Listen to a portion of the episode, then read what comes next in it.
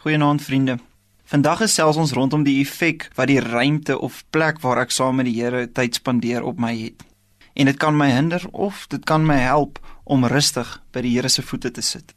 Hoe baie keer hoor ons nie vriende of kollegas of ander mense sê iets soos: "Ai, ek wens ek was nou net bietjie by die see.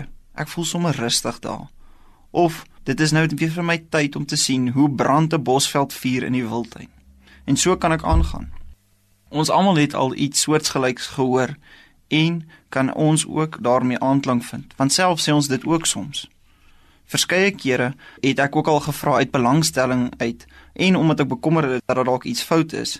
Hoekom sê hulle so? En die antwoord is: Nee, ek voel net nader aan die Here daar. Ek sal erken, ek self het al die frase kwyt geraak.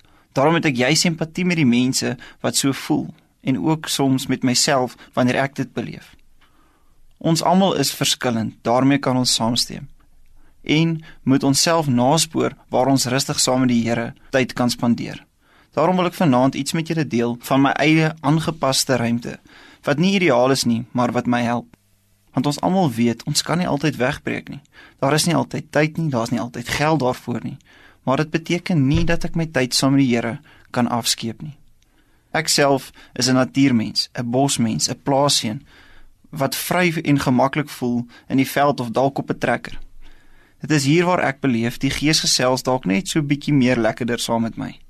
Die feit dat ek in die stad is tussen 'n klomp winkels, voel dus partykeer vir my blok my en die Here se kommunikasie so bietjie.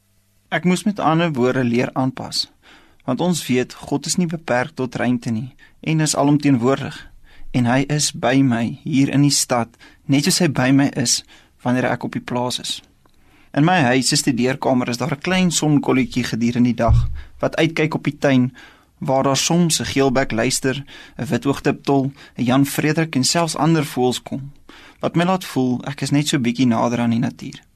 Dit is jy's hier waar ek 'n koppie tee saam met die Here drink en saam met hom kuier. Mag jy ook jou aangepaste ruimte ontdek waar jy rustigheid kan beleef saam met die Here. Maar mag jy ook weet Ons kan God nie beperk tot ruimte nie.